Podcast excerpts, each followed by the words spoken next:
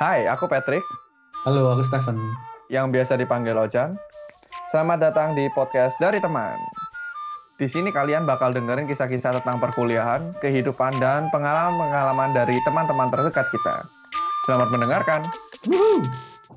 Ya. Halo, halo Jan, halo. Iya.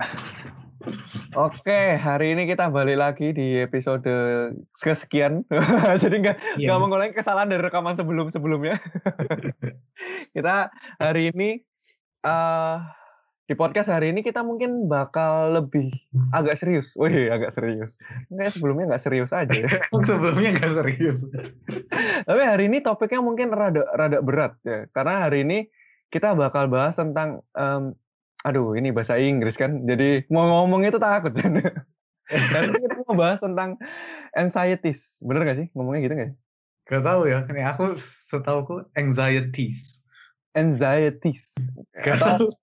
bahasa bahasa Indonesianya itu mungkin em, kekhawatiran, ketakut, ketakutan gitu ya. Ketakutan gitu. Kekhawatiran nih kayaknya. Oh, lebih ke arah kekhawatiran ya. Oke, oke. Hmm. Jadi sebelum kita mulai ngobrol, aku kayak em, mau cerita sedikit kenapa aku waktu itu ngajak Stephen untuk ngobrolin tentang tema ini. Hmm, Masih ingat nggak kamu, Jan? nggak. Jujur ya. Rada sakit ya. Saya cerita selama ini nggak pernah didengar nih kayaknya nih ya. Hmm. Nggak pernah diingat kayaknya. Jadi aku em, waktu itu kenalan aku. em, Ada temennya kenalan aku yang eh, di Jerman gitu. Dia orang Jerman. Meninggal karena bunuh diri. Oke.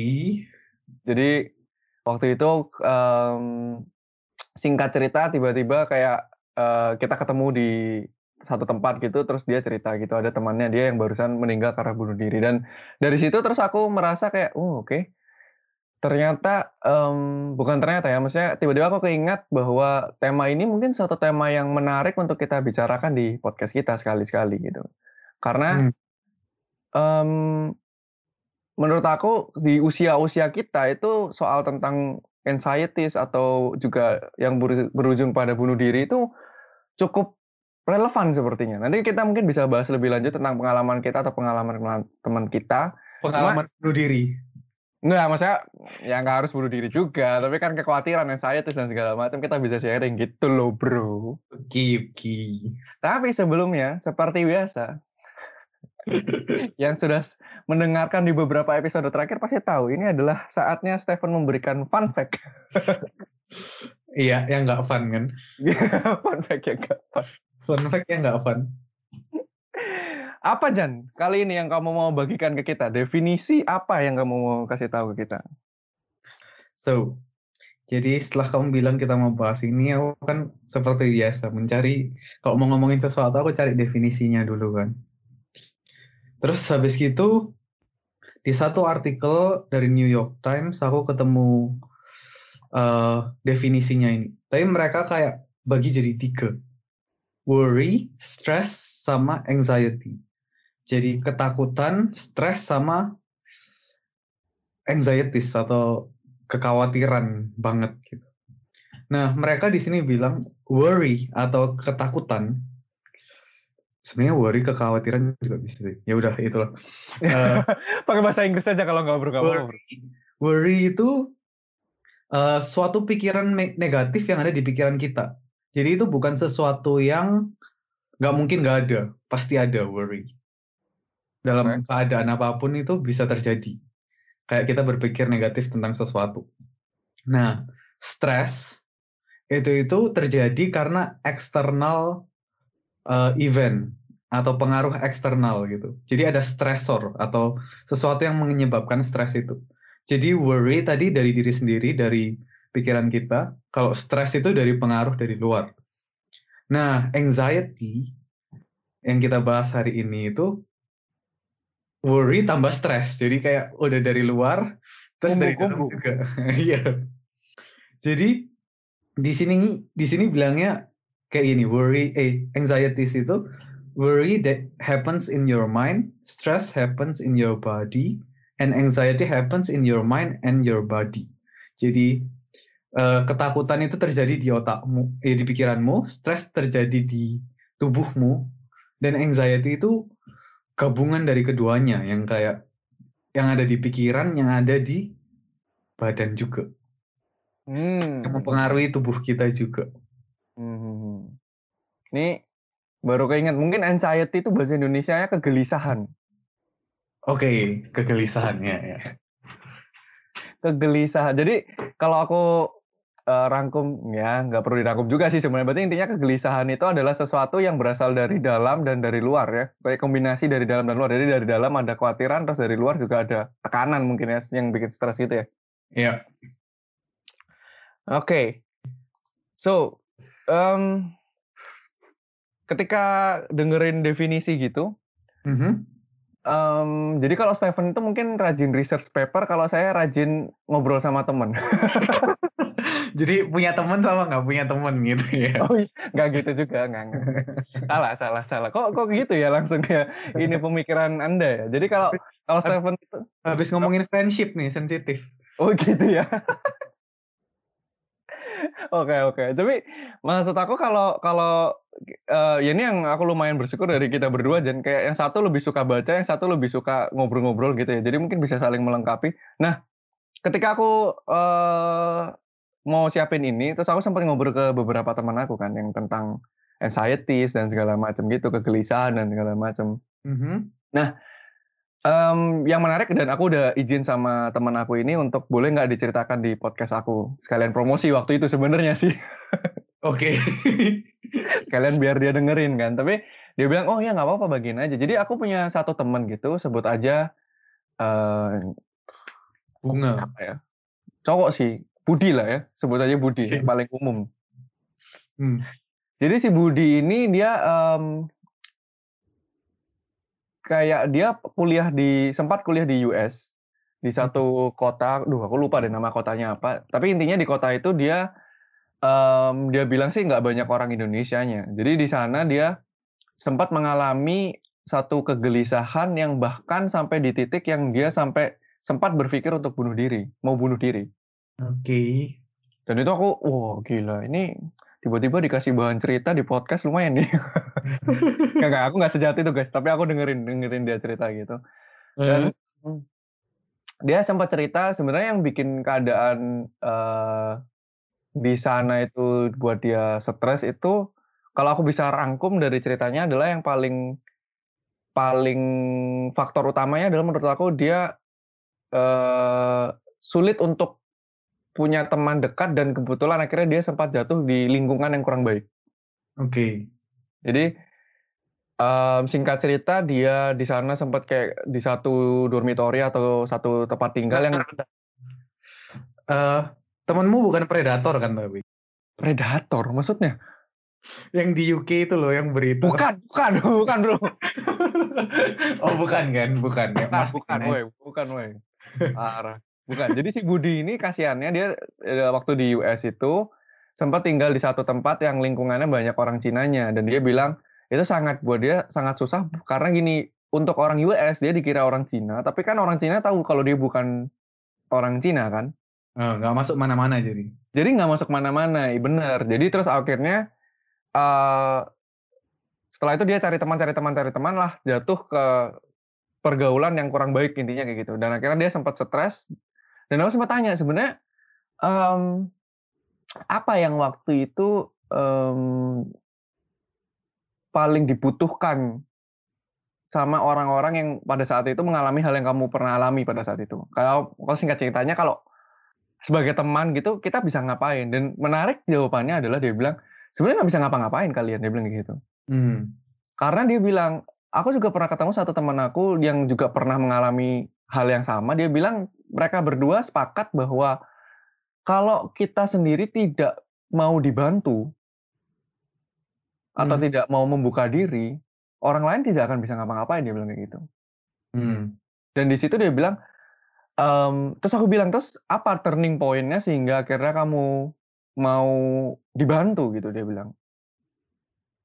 Di cerita dia dia bilang pada saat itu dia sempat di satu poin, jadi dia kan karena mungkin, eee, maksudnya banyak faktor ya kayak kuliahnya akhirnya terbengkalai dan pergaulannya yang kurang baik, dia sangat tidak mau cerita ke teman-teman yang lain yang di Indonesia dan keluarganya kan.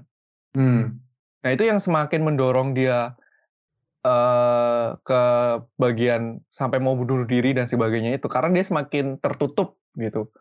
Sampai akhirnya di satu poin dia bilang, mmm, aku udah nggak nggak ini, udah nggak bukan nggak peduli lagi ya, udah kayak, ya udahlah gitu, kalau misalkan aku cerita orang tuaku dan orang tuaku akhirnya mau coret aku dari Kakak, ya udah aku nggak apa-apa, dia bilang kayak gitu. Hmm. Dan di situlah akhirnya se setelah itu dia di sempat dikunjungi sama kakaknya gitu, terus akhirnya dia menceritakan semuanya dan akhirnya dia pulang ke Indonesia terus, mmm, kalau nggak salah dia bilang dia seeking medical attention gitu kayak kok lupa deh psikologis atau psikiatris sih bedanya nggak tahu apa, intinya yang membantu dia untuk keluar dari kondisi itu dan akhirnya dia sekarang kuliah lagi di tempat lain, tapi nggak di nggak di USA gitu.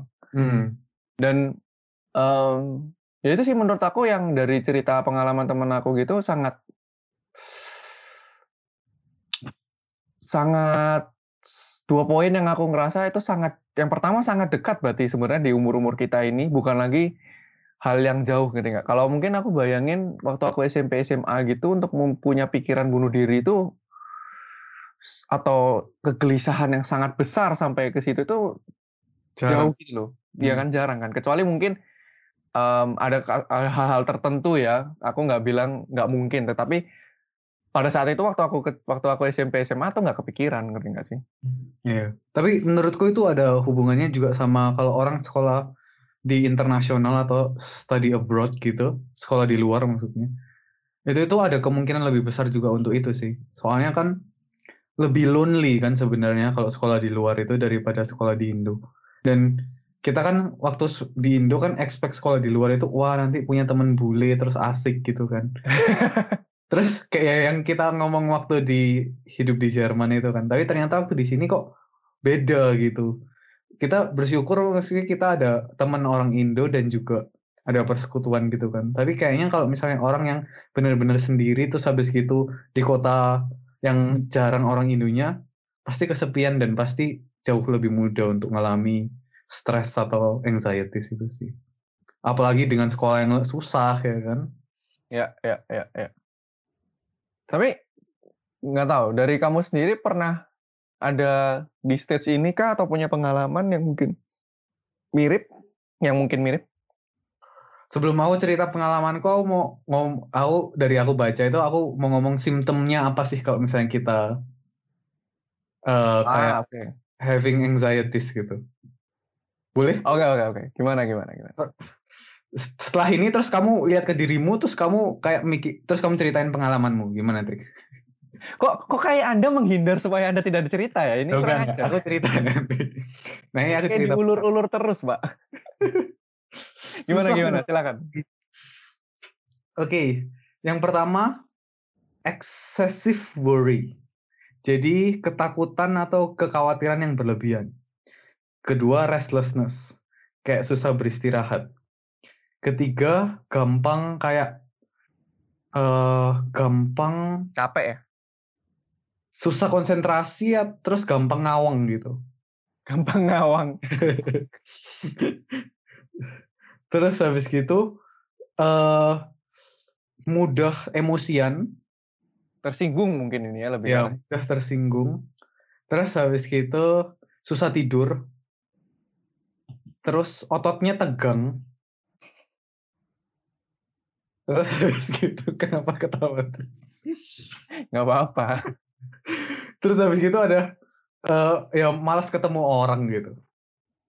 Jadi Oke. pertama, aku ulang lagi, pertama ketakutan berlebihan, kedua kayak susah beristirahat eee, restlessness, ketiga kayak gampang ngawang atau susah konsentrasi, terus habis gitu mudah tersinggung, terus habis gitu susah tidur, ototnya tegang, otot-ototnya tegang, terus habis gitu terakhir malas kayak ketemu orang gitu, sosis social social anxiety. Gimana Trik, kamu pernah mengalami hal-hal itu? Katanya tadi sa Anda dulu, kok saya lagi? Susah trik. Anda dulu lah, Anda dulu lah. Bagaimana? Kan tadi aku nanya pengalaman pribadi, terus ini Anda mau memberikan, kok Anda ada ya? Kamu kan mau kasih simptom gitu kan? Terus gimana Jan? Dari ini apa yang kamu mau bagikan Jan? Jadi, aduh susah trik cerita. Uh. Oke, kita pura-pura ini rekamannya dimatiin guys. Tak ya, udah silakan Jan. Tetap susah enggak, enggak. Ya, aku cerita. Jadi, uh, aku pernah ngalami hal yang kayak gini, anxiety atau kayak ketakutan yang berlebihan itu tahun lalu deh kayaknya. Tahun lalu, tahun 2019 gitu. Jadi ceritanya itu Oh, lu, lu, lu, lu, lu. Jangan nangis dulu, jangan nangis dulu. Jadi ceritanya itu, kan waktu aku sekolah di sini waktu bachelor, semuanya lancar-lancar aja kan. Aku lumayan lulus tepat waktu, lumayan lulus dengan nilai yang cukup memuaskan. Terus habis gitu, aku merasa kayak aku bisa mengalahkan dunia, aku bisa apa pun. Hmm. Terus aku juga waktu itu punya pacar yang aku udah uh, pacaran lumayan lama. Nah waktu di tahun 2019 itu uh, waktu itu aku semester berapa ya? Semester 2 master. Oh enggak sih, waktu itu waktu semester 1 master aja, aku kayak ada yang nggak lulus gitu, kayak dua pelajaran aku nggak lulus. Nah waktu bachelor itu aku kan pernah nggak lulus sih waktu itu tapi aku benar-benar gara-gara nggak belajar. Seninnya aku ujian sabtunya aku baru balik dari Indo jadi cuma oh belajar. itu. Ingat Rik ingat ingat ingat ingat. Nah itu. Jadi aku waktu itu itu beranggapan oke okay, kalau aku belajar apa pun aku bisa gitu. Nah waktu aku semester satu waktu master gitu oh aku kok nggak lulus dua pelajaran padahal aku lumayan belajar gitu. Terus ya udah aku kayak ah nggak apa-apa lah nanti coba lagi semester depan kalau aku belajar benar-benar aku pasti bisa. Nah, waktu aku semester 2 uh, ya itu kan aku mulai ada kayak masalah atau kayak yang nggak enakan gitu sama pacarku yang waktu itu. Terus habis itu waktu aku nulis ujian, aku nggak lulus lagi. Ada beberapa yang nggak lulus lagi. Di situ aku udah kayak, wah oh, aku udah Ya itu, ketakutan yang berlebihan, terus habis itu susah konsentrasi karena kan apa ya, kayak udah mental breakdown gitu ya? Iya, mental breakdown gitu. Terus habis itu terus akhirnya aku uh, putus juga kan sama pacarku pada waktu itu. Nah, di situ aku udah kayak apa? Mungkin mungkin kalau sekarang dilihat biasa aja, tapi waktu itu aku waktu aku ngalamin waktu itu aku benar-benar kayak dan aku orangnya susah cerita kan. Jadi aku kayak merasa aku kuat, aku kuat gitu. Nah, dan aku nggak cerita ke siapa-siapa juga. Terus ya aku kayak simpen semuanya sendiri. Tapi ya itu di sana mungkin kalau misalnya baca yang simptom-simptomnya ini, aku ngerasa aku ngalami itu semua. Kayak aku benar-benar ketakutan yang berlebihan. Terus waktu itu gara-gara itu aku semester 3 nulis ujian lagi kan. Uh, nah, aku aku merasa oke okay, aku sekarang udah lebih bisa lah tapi ternyata ada yang nggak lulus lagi aku di situ tambah oh lebih benar-benar kayak aku bertanya-tanya kenapa kayak gini terus habis itu waktu belajar itu sampai benar-benar ototnya itu kayak tegang semua gitu hmm. kayak hmm. wah pokoknya nggak enak banget lah kayak kepikiran terus gitu dan mungkin gara-gara aku orangnya susah cerita jadi kayak semuanya aku simpen sendiri gitu ya. nah di sana itu aku jadi mu jadi ngalami semua yang simptom ini terus habis gitu ya aku kayak ya berpikir bunuh diri ya ada sih. Cuma nggak sampai aku kayak benar-benar mau bunuh diri itu mungkin. Tapi kalau kepikir sepintas itu ada sih kayak benar-benar duh kenapa ya aku kok kayak gini? Soalnya mungkin dari aku yang sombong semuanya berjalan dengan lancar tiba-tiba langsung drop semuanya kayak yang aku nggak harapin semuanya itu terjadi gitu Ya. Di situ aku bener-bener kayak, aduh, kenapa kayak gini Tuhan? Terus kayak, ya, ya kayak gitu. Aku ngalami bener-bener ketakutan yang berlebihan itu sampai waktu belajar pun atau waktu sampai ngikutin kelas gitu, aku kayak, aduh, kayaknya aku belajar percuma deh. Nanti suwisu, nanti aku kalau nggak bisa lagi gimana? Terus hmm. ya, aku jadi lebih nggak ceria. Ya mungkin kalau di depan orang-orang aku ceria ya, tapi kalau misalnya sendiri gitu aku lebih kepikiran gitu. Yes, yes, yes. Ya itu sih mungkin kalau tentang ngomongin tentang hal ini aku pernah ngalamin ya itu waktu tahun lalu itu. Oke. Wah, aku beneran sebenarnya ini ya kayak untuk kalian yang dengerin podcast ini, kalian uh, maksudnya aku gimana ya? Aku berterima kasih banget sih Jan. Kamu masih kamu berani untuk menceritakan ini. uh, maksudnya ini masih sesuatu yang aku yakin buat kita juga. Aku juga sebenarnya abis ini cerita pun nggak mudah. Aku tadi waktu dengerin Stefan juga, hmm, bakal susah juga sih kalau aku harus cerita. Tapi um, ya terima kasih Jan udah mau cerita. Iya, ya aku uh, pertama aku waktu mau bahas tentang ini aku sebenarnya mikir kan, aku perlu cerita apa ya. Terus aku kan apalagi aku orang yang kurang terbuka gitu kan. Tapi setelah aku mikir mungkin kalau aku cerita itu ada orang yang ngerasain hal yang sama terus habis itu bisa terhibur atau dia nggak ngerasa sendirian gitu waktu aku cerita. Ya di situ sih makanya aku kayak oke okay, kalau ada orang yang kebantu ya aku mau cerita juga karena ya kalau aku bisa bantu orang itu kenapa enggak? Hmm, hmm, hmm. hmm. Ya. Oke, gimana kalau kamu, Trik? Apakah lebih menyedihkan dari aku? Hmm. lebih menyedihkan wah, susah. Kan itu kayak relatif ya, tapi aku, um, aku pacaran tujuh tahun lebih loh. Iya iya, kamu menang, kamu menang. Iya iya iya, ampun, dibikin kompetisi. Deket-deket itu. Iya iya iya iya. Tapi, Tapi um, kalau aku Um, sebenarnya kayak time frame-nya atau timeline-nya mirip-mirip. Uh, pada saat aku awal-awal S2 gitu ya, semester 1, semester 2. Hmm. Um, mungkin ini terdengar aneh, tetapi justru kalau aku bisa bilang awal yang membuat aku menjadi gelisah atau takut itu ketika aku melihat bahwa kuliahku ini sangat lancar, tetapi aku belum siap untuk masuk ke real life situation kayak untuk bekerja dan segala macam. Hmm. Nah, pada saat itu uh, mungkin di di latar belakangnya juga ada quarter life crisis, terus mungkin lebih mempertanyakan tujuan hidup, passionku apa dan segala macam. Hmm. Jadi pada saat semester 1 semester 2 gitu, aku banyak memikirkan tentang masa depan. Hmm. Yang mungkin kalau dari symptoms itu yang sampai sangat berlebihan kekhawatiran tentang masa depannya gitu. Hmm. Nah, um, singkat cerita, kekhawatiran ini itu pada awalnya mungkin hanya satu pemikiran yang kayak ah ya udahlah gitu. Ah ya udahlah. Terus aku coba kayak ya ya udahlah serahin aja sama yang di atas. Kalau yang memang nggak bisa di um, diapa-apain gitu kan. Itu kan masih jauh di depan kayak gitu. Tetapi ternyata Hmm, seiring berjalannya waktu itu bukan sesuatu pikiran itu muncul terus tanpa disadari, ngerti nggak? Kekhawatiran itu selalu muncul gitu. Dan lumayan akhirnya, uh, mempengaruhi apa sih kekhawatiran aku, aku selalu berpikir kayak, kalau aku cepat lulus seperti ini tanpa ada pengalaman kerja, jadi mungkin cerita sedikit aku nih S1, uh, juga on time, tetapi bedanya di saat aku S1 itu aku nggak pernah punya pengalaman kerja sama sekali kayak aku nggak pernah uh, internship di sebuah company dan aku selalu menghabiskan semuanya itu di institut gitu.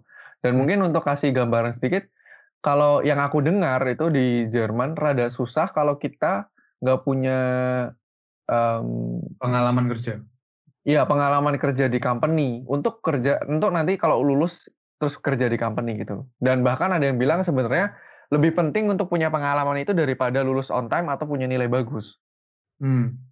Ya itu yang sangat mendasari jadi tekanan buat aku gitu loh. Memang nilaiku cukup baik. Aku nggak bilang sangat bagus ya sampai um, wow sampai mungkin kalau di Indo kumlat atau apa nggak sampai kumlat, tetapi cukup bagus dan on time. Tapi justru itu menjadi backfire gitu buat aku. Karena di S2 aku ngerasa kayak wah ini semua kayaknya lancar nih. Berarti aku tahun depan atau berarti tahun ini bakal lulus harusnya dan aku tapi merasa belum siap gitu. Hmm. Pada saat itu um, kesalahan pertama yang aku lakukan adalah aku nggak mengkomunikasikan hal ini. dengan semua orang. Jadi sebegitu ekstrovertnya aku, tetapi ini aku nggak banyak komunikasikan. Maksudnya aku nggak banyak cerita. Mungkin pada awalnya aku terlalu banyak simpan sendiri gitu loh. Sampai akhirnya um, mungkin kalau bahasa Inggrisnya adalah suicidal thought atau pemikiran untuk bunuh diri itu muncul. Tapi aku nggak sampai balik lagi ke Seven ya, nggak sampai beneran uh, apa ngambil pisau. Iya, ya nggak sampai yang kayak tiba-tiba malam-malam ngambil pisau atau apa belum sampai situ. Tetapi pemikiran bahwa, duh, kayak mungkin lebih ke arah kayak, duh, udahlah nggak mau lagi ngelanjutin ini gimana ya, ngerti nggak? Sampai hmm. mungkin aku lebih menggambarkan ketakutan untuk setiap malam itu ketakutan untuk besok bangun pagi dan masih punya ketakutan ini dan masih nggak ada solusi ini gitu. Hmm. Dan itu ada, itu muncul mungkin awalnya frekuensinya kayak mungkin sebulan sekali atau tergantung pada stresnya kuliah ngerti nggak? Hmm. Sampai di satu titik dalam seminggu itu setiap malam pemikiran itu ada. Hmm. Dan itu aku mulai uh, untungnya pada situ aku mulai kayak kok kayaknya ini nggak nggak nggak umum gitu ya, bukan sesuatu yang harusnya terjadi, ngerti nggak? Hmm. Karena pada awal yang waktu seminggu sekali atau sebulan sekali itu mungkin kayak ya ya udahlah mungkin ini lagi stres aja. Jadi mungkin kayak eh, asal aja apa ngayal aja atau ngerti gak sih kayak ya, tapi kalau udah dalam seminggu terus terusan muncul kan menurutku sesuatu yang aneh gitu kan. Dan hmm. tentu ada Mbah Google. Jadi aku mulai googling gitu apakah umum pemikiran seperti ini dan apakah uh, apa sih kenapa kok aku kayak gini? Salah satu waktu itu aku mikir eh, aku baca dia bilang yang aku baca aku lupa sih sumbernya di mana. Pokoknya waktu itu aku sempat baca di situ uh, ditulis di satu artikel bahwa memang pemikiran suicidal thought itu mulai umum terjadi di umur-umur uh, seperti kita. Oke. Okay. Tetapi bukan berarti itu karena itu umum bukan berarti itu dikecilkan atau maksudnya tidak dianggap gitu nggak? Hmm. Walaupun katanya nggak semua yang punya itu pun akhirnya berujung melakukan itu, tetapi bukan sesuatu yang uh, ya udah nggak usah digubris gitu, nggak usah dipikirin lagi gitu. Hmm. Dan pada saat itu aku masih ingat salah satu uh, nasihat atau salah satu anjuran yang diberikan adalah coba komunikasikan pemikiran ini atau ceritakan ke teman kamu. Walaupun sekecil apa pun pemikirannya dia bilang kayak gitu. Hmm pada, pada situ aku ingat akhirnya uh, kita kan ada grup uh, pendalaman Alkitab gitu kan. Iya. Jadi pada saat itu akhirnya aku cerita dan pada saat itu juga aku baru pada situ aku ingat Stephen juga pernah bilang, ya aku juga pernah pernah punya pemikiran itu. Aku masih ingat Stephen bilang kayak gitu. Hmm. Hmm, kalau aku boleh cerita dikit, efeknya itu lebih kayak tenang sih ketika aku cerita bahwa aku pernah punya pemikiran itu. Hmm. Mungkin pada saat itu Maksudnya bukan masalah solusi yang diberikan, tetapi aku ngerasa aku nggak sendirian lagi gitu. Kamu ngerasa aku nggak perlu menutupi lagi pemikiran ini, ngerti Iya, iya. Soalnya waktu nggak cerita itu kan kayak mikir, aduh kok cuma aku ya kayaknya yang kayak gini gitu kan. Semua hidupnya orang lain-lain kok kayaknya baik-baik aja ya. Iya, Kenapa iya, iya. Hidupnya nggak baik-baik ya kayak gitu kan. Iya, iya, iya, iya, iya, iya. Dan itu menurut aku mungkin satu kesalahan besar dan satu faktor besar juga kenapa anxiety atau kegelisahan itu bisa sampai berujung pada bunuh diri ya. Karena dari cerita teman aku itu juga dia bilang kan waktu itu kita sebenarnya pada saat dia kejadian punya anxiety itu kegelisahan tuh kita udah temenan. Yeah. Udah main bareng, main Dota bareng. Hmm. Cuma dia memang bilang dia bilang pada saat itu dia bilang sebenarnya pada saat itu aku gampang marah loh waktu itu aku main. Tapi Aku nggak nggak nggak ngerti nggak sih, nggak merasa bahwa itu sampai sangat jelas bahwa orang ini lagi depresi atau lagi gelisah gitu loh, ngerti? Hmm. Nggak kelihatan banget bener-bener gitu kan? Iya nggak kelihatan banget. Aku kayak waktu kemarin dia cerita gitu, "Hah, itu kapan?" Ya waktu kita pertama kali kenalan main, bilang gitu. "Hah? Kok nggak nggak ini, kok nggak nggak kelihatan?" Dan dia bilang, "Ya emang aku nggak menunjukkan dan aku nggak pernah cerita ke siapa-siapa," dia bilang kayak gitu. Hmm. Dan itu dia bilang justru itu tapi salah satu kesalahan terbesar karena ya balik lagi dia bilang selama dia nggak pernah dia bilang faktornya adalah kalau kita nggak pernah membuka diri sama bantuannya nggak akan pernah bisa dibantu gitu. Hmm. Dan itu kayak wow, kayaknya ini satu message yang aku langsung merasa bahwa ini perlu gitu untuk kita Ya, walaupun pendengar podcast kita nggak banyak, tapi menurutku ini satu satu pesan yang simpel tapi ngerti nggak sih cukup untuk penting untuk disampaikan ngerti nggak? Iya. Kalian nggak sendiri guys. Asik. Biar Guys, not itu alone. lima orang. Aduh. Soalnya aku juga kepikiran dari sosial media gitu kan orang portray hidupnya itu yang baik-baik aja kan. Dan ketika kita ngalami struggle dalam kehidupan kita, terus tapi yang kita lihat atau media yang kita konsum itu hidup orang baik-baik aja, kayak seakan-akan jadi kayak, aduh kok mereka baik-baik aja tapi kok kenapa aku gini ya? Jadi Ya. pressure itu semakin gede gitu. Hmm, hmm, hmm, hmm. Hmm. Dan mungkin kita bisa kayak lanjut ke poin selanjutnya kayak Stefan juga kayaknya udah mulai udah, udah mulai research gitu. Sebenarnya apa sih yang bisa kita lakukan ketika kita punya di di di suatu kondisi seperti ini atau apa yang bisa kita lakukan mungkin atau teman kita yang yang ada dalam kondisi ini gitu. Apa yang yang kamu dapat? Jan? Hmm, dari aku yang cari-cari itu, sebenarnya simpel banget sih yang mereka anjurin itu. Yang pertama itu, eh go back to base, basic bilangnya. Jadi kayak perhatiin tidurnya itu cukup, makannya itu sehat dan berolahraga. Waktu aku baca ini, mungkin waktu aku reflect ke waktu aku ngalami anxiety itu juga gara-gara stres atau gara-gara kepikiran terus, kayak kan semakin susah tidur jadi kayak aduh aku harus lebih belajar aku harus lebih belajar gitu kan terus habis gitu makannya juga tambah nggak karu-karuan dan olahraga Karuan tuh bahasa Indonesia atau bukan, Jan? Tidak teratur Oh iya iya. iya. terus ya tambah nggak olahraga karena aku harus belajar aku harus belajar gitu kan ya itu tapi tambah itu itu tambah menambah uh, anxietiesnya itu lebih dan lebih atau menambah stresnya itu lebih dan lebih tapi di sini bilang kayak uh, ambil waktu tidur yang cukup makan yang benar-benar teratur atau yang makan yang sehat juga dan olahraga juga karena itu itu baik juga untuk mental kita gitu terus yang kedua itu yang kayak tadi kita cerita kayak cerita ke orang find a support community gitu. Kayak uh, orang-orang di sekitar kita atau ketika kita cerita itu benar-benar ngebantu kita. Mungkin kita kayak mikir kayak uh, aduh malu atau aduh nanti mereka nggak ngerti ya apa yang aku alami. Tapi justru dalam bercerita itu kita kayak mengeluarkan apa yang ada di dalam kita dan itu membantu kita secara nggak langsung gitu Ya, aku keinget juga dari yang aku baca yang waktu kita bahas tentang friendship uh, di situ bilang kalau pertemanan atau waktu kita bercerita kepada teman itu jauh lebih membantu daripada pil tidur atau pil antidepresan dan lain-lain gitu. Hmm, hmm, hmm. Terus yang terakhir, oh enggak sih, belum belum yang terakhir. uh, yang ketiga itu juga uh, pakai sosial media secukupnya. Hmm.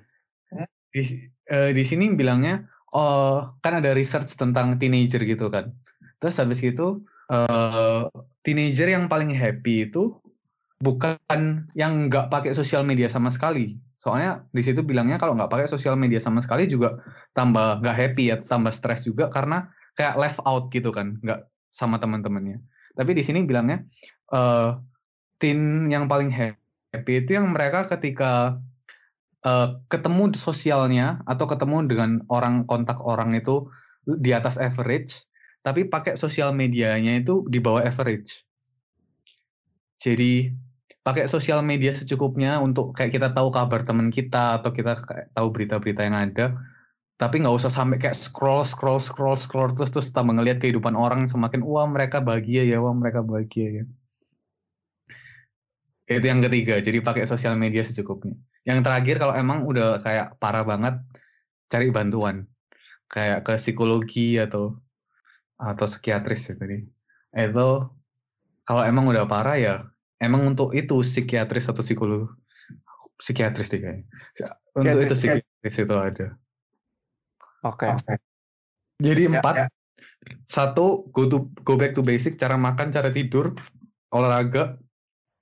Dua cari uh, temen atau cerita ke teman. Tiga pakai sosial media yang cukup. Yang terakhir kalau emang udah parah banget, Ya itu, cari bantuan itu. Bantu bantuan profesional. Ya, ya. ya. Kalau aku ingat dari teman aku cerita juga, um, dia bilang pada saat dia ngalami tentang anxiety dan depression gitu, dia bilang yang paling membantu adalah hope sih dia bilang. Ketika. Masih punya hope atau masih punya harapan dia mau ngapain atau harapan dia mau meraih sesuatu atau apa pun itu ya, harapan apa pun itu, ketika masih punya hope dia bilang di situ dia mulai bisa keluar dari kegelisahan atau depresi itu. Ya dan menurut aku itu penting karena um, karena? kayak gimana ya ngomongnya? Hope itu selalu mendorong kita untuk punya pikiran oh gimana ya caranya meraih itu? Ngerti nggak? Jadi kita juga terdorong untuk melakukan hal sesuatu secara aktif mungkin ya. Hmm, dan aku ngerasa gitu ya. Kenapa sorry? Mau motivasi gitu. Iya, karena aku ngerasa ketika kita gelisah yang sampai depression atau apa itu justru tiba-tiba kita kayak ada dalam satu kondisi yang kita jadinya nggak mau ngapa-ngapain atau semakin ngerti nggak? Semakin antara nggak ngapa-ngapain atau kita ngelakukan sesuatu yang terus-terusan yang kita nggak nggak bahagia gitu tapi nggak sebenarnya nggak membantu kita untuk progres gitu ngerti nggak? Hmm. Dan itu mungkin gunanya hope di situ ya. Sehingga kita kalau kita punya hope atau tujuan itu kita kayak, oh kok nggak keluar dari, kok kita mulai nggak nggak progres dan segala macam kayak gitu. Hmm. Dan um, yang paling aku juga um, sangat pengen garis bawahi ketika tadi Seven cerita tentang social media gitu, Aku juga sempat sempat baca-baca beberapa paper kan. Wih, biar biar kelihatan keren Jen. Nggak mau kalah ya. beberapa paper padahal cuma satu. Tapi memang uh, ternyata social media gitu bahkan kalau dari episode-episode sebelumnya kita kayak udah sempat cerita juga sangat ini sangat toxic ya sebenarnya.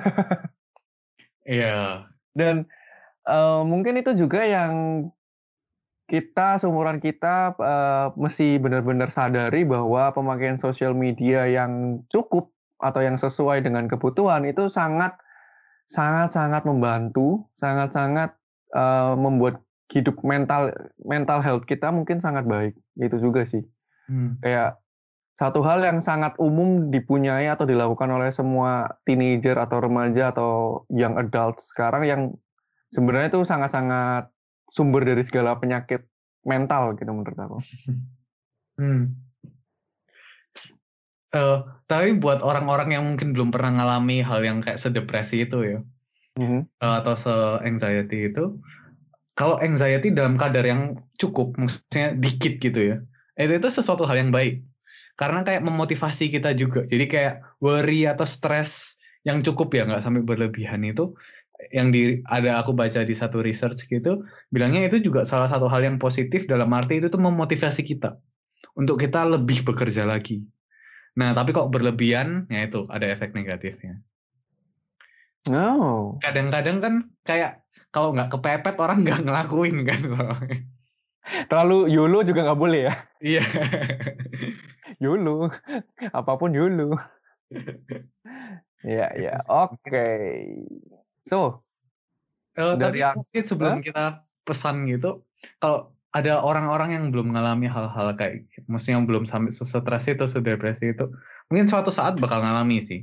Aku percaya ya. setiap orang pasti ngalam, ya bukan doain ya, tapi kayak pasti adalah satu saat di kehidupan kita itu di mana kita kayak ada di titik terendah atau kita ada di posisi yang stres banget gitu. Dan hmm. kalau hal itu terjadi ya kayak yang tadi advice, uh, yang saran-saran yang kita kasih, itu juga sih yang mungkin bisa di-apply sama kita semua. Mantap. Jadi intinya untuk kalian yang dengerin podcast ini, yang mungkin sekarang sedang khawatir, sedang banyak uh, stres, tekanan dari luar, atau mungkin juga sampai gelisah, atau mungkin bahkan sampai kalian yang udah punya pemikiran untuk bunuh diri atau segala apa pun, selalu ingat uh, banyak hal yang kalian bisa lakukan, banyak hal yang kalian bisa uh, kerjakan, capai selama kalian punya landasan yang kuat atau hope itu atau harapan itu kalian letakkan pada sesuatu yang pasti atau bukan pasti ya sesuatu yang sesuatu yang ya sesuatu yang nggak pernah berganti gitu ya. Terus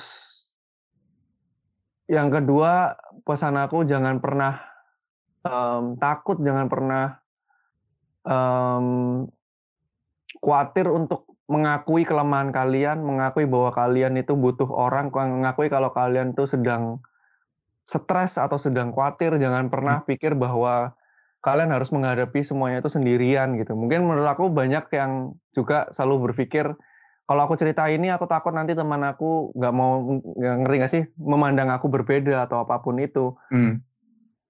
Karena dari pengalaman aku semua itu nggak terbukti gitu. Ketika aku cerita teman aku juga bukannya yang kayak, "Ih, kok kamu kayak gitu?" gitu ya. Terima kasih teman-temanku yang sudah aku ceritain. Tapi iya.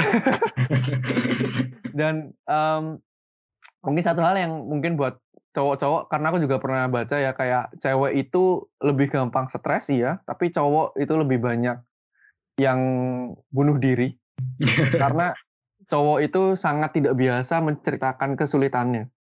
Hmm. Ya, jadi untuk kita semua lelaki ini jangan pernah merasa bahwa cerita atau bahkan menangis ketika kalian cerita itu suatu kelemahan itu. Kalau memang kalian perlu nangis, kalian perlu cerita, kalian perlu meledakkan semua yang ada di pikiran kalian, ceritalah gitu. Kayak aku yakin pasti banyak teman-teman kalian tuh mau dengar, aku yakin teman-teman kalian tuh pasti mau support gitu.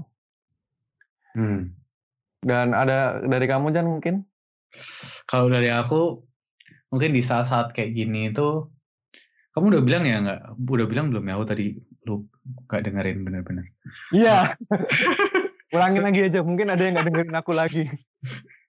uh, lihat ke teman-teman sekitar kayak mungkin orang yang tertawa atau kayak oh yang kayak tadi kamu bilang kan temanmu yang waktu kamu main Dota bareng nggak kelihatan kan?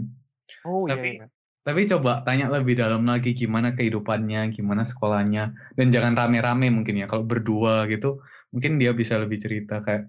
Soalnya kadang-kadang orang yang kelihatan bahagia itu belum tentu bahagia benar-benar kan di dalam hatinya. Mungkin bisa tanya benar-benar apa yang lagi mereka khawatirin, apa yang lagi mereka kayak uh, gumulin atau struggle sama apa. Terus yang tentang hope tadi aku punya satu cerita, Trik. Asik. waktu aku ngelihat tahun lalu ya, waktu aku ngelihat uh, waktu aku di ada di zaman di mana aku kayak resah banget atau anxiety atau gelisah benar-benar gitu.